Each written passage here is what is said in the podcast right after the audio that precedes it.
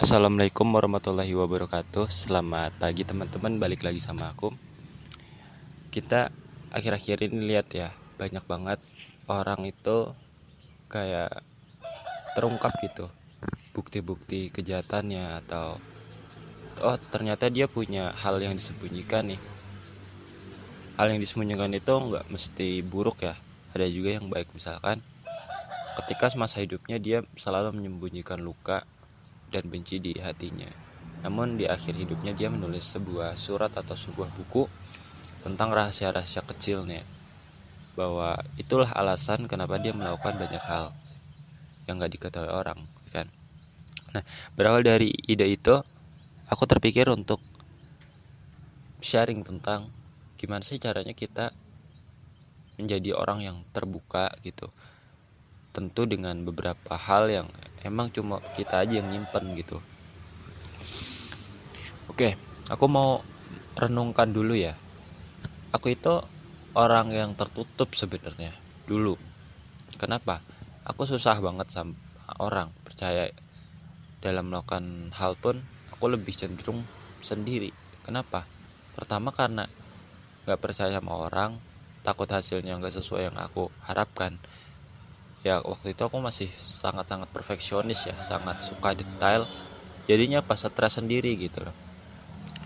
Kedua karena aku nggak tahu kalau aku capek kalau aku sedih ini nanti pokoknya takut lah dikritik takut jelek takut apa. Makanya aku nggak mau berurusan sama orang lain saat itu.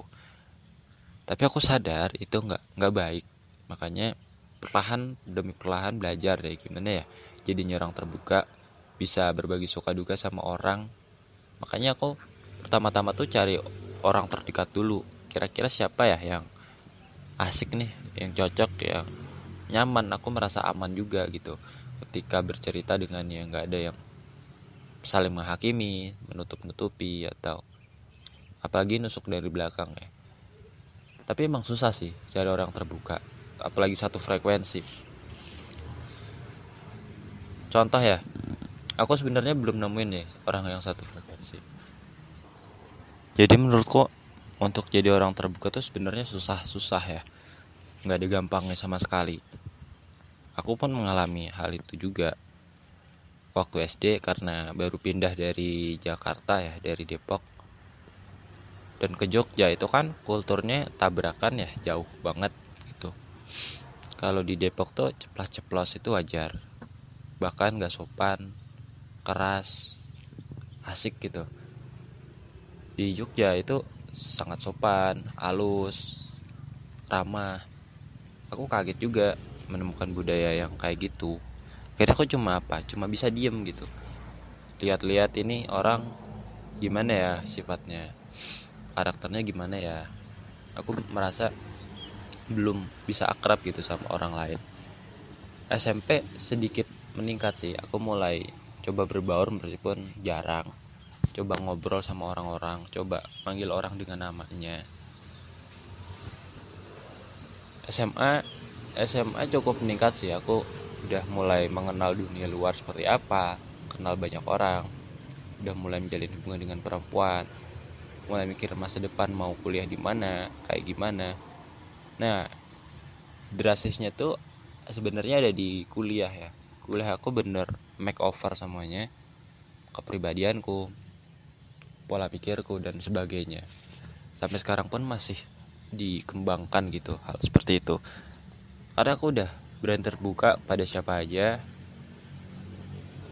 menerima siapa aja yang mau hadir dalam hidupku dan aku udah gak peduli lagi mau mereka melukai atau apa aku udah kuat kok sekarang. Untuk untuk menjalin hubungan aku udah siap banget sekarang tapi nggak semua orang punya privilege kayak aku ya.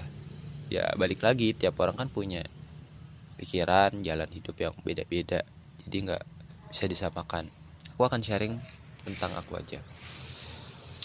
Manfaat terbuka tuh banyak ya.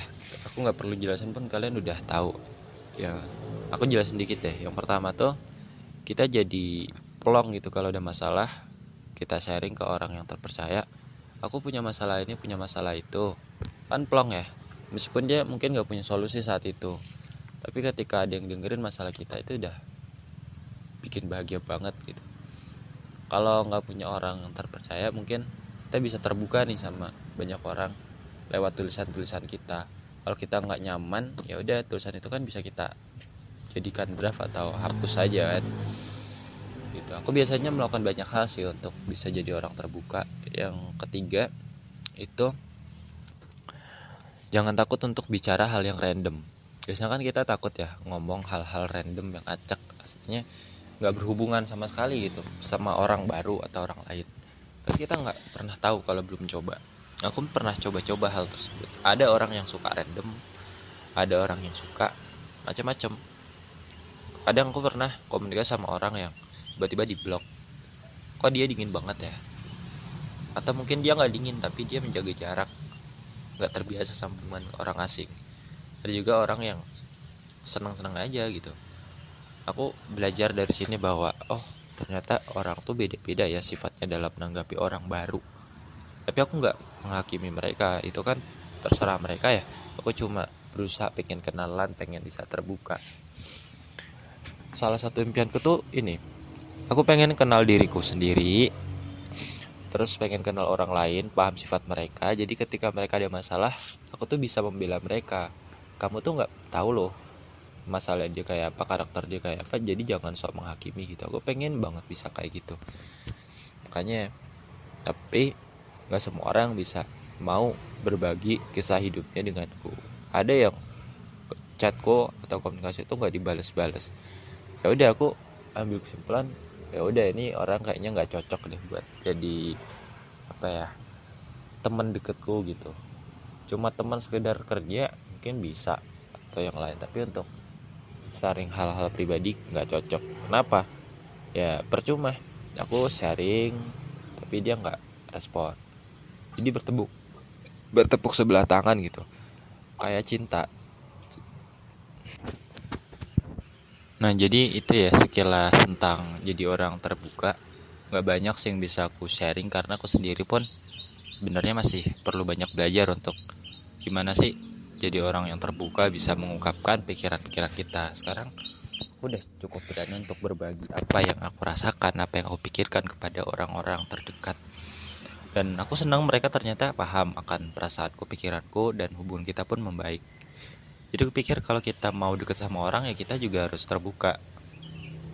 Kita kalau mau dilakukan dengan baik maka harus perlakukan orang juga dengan baik pun sebaliknya.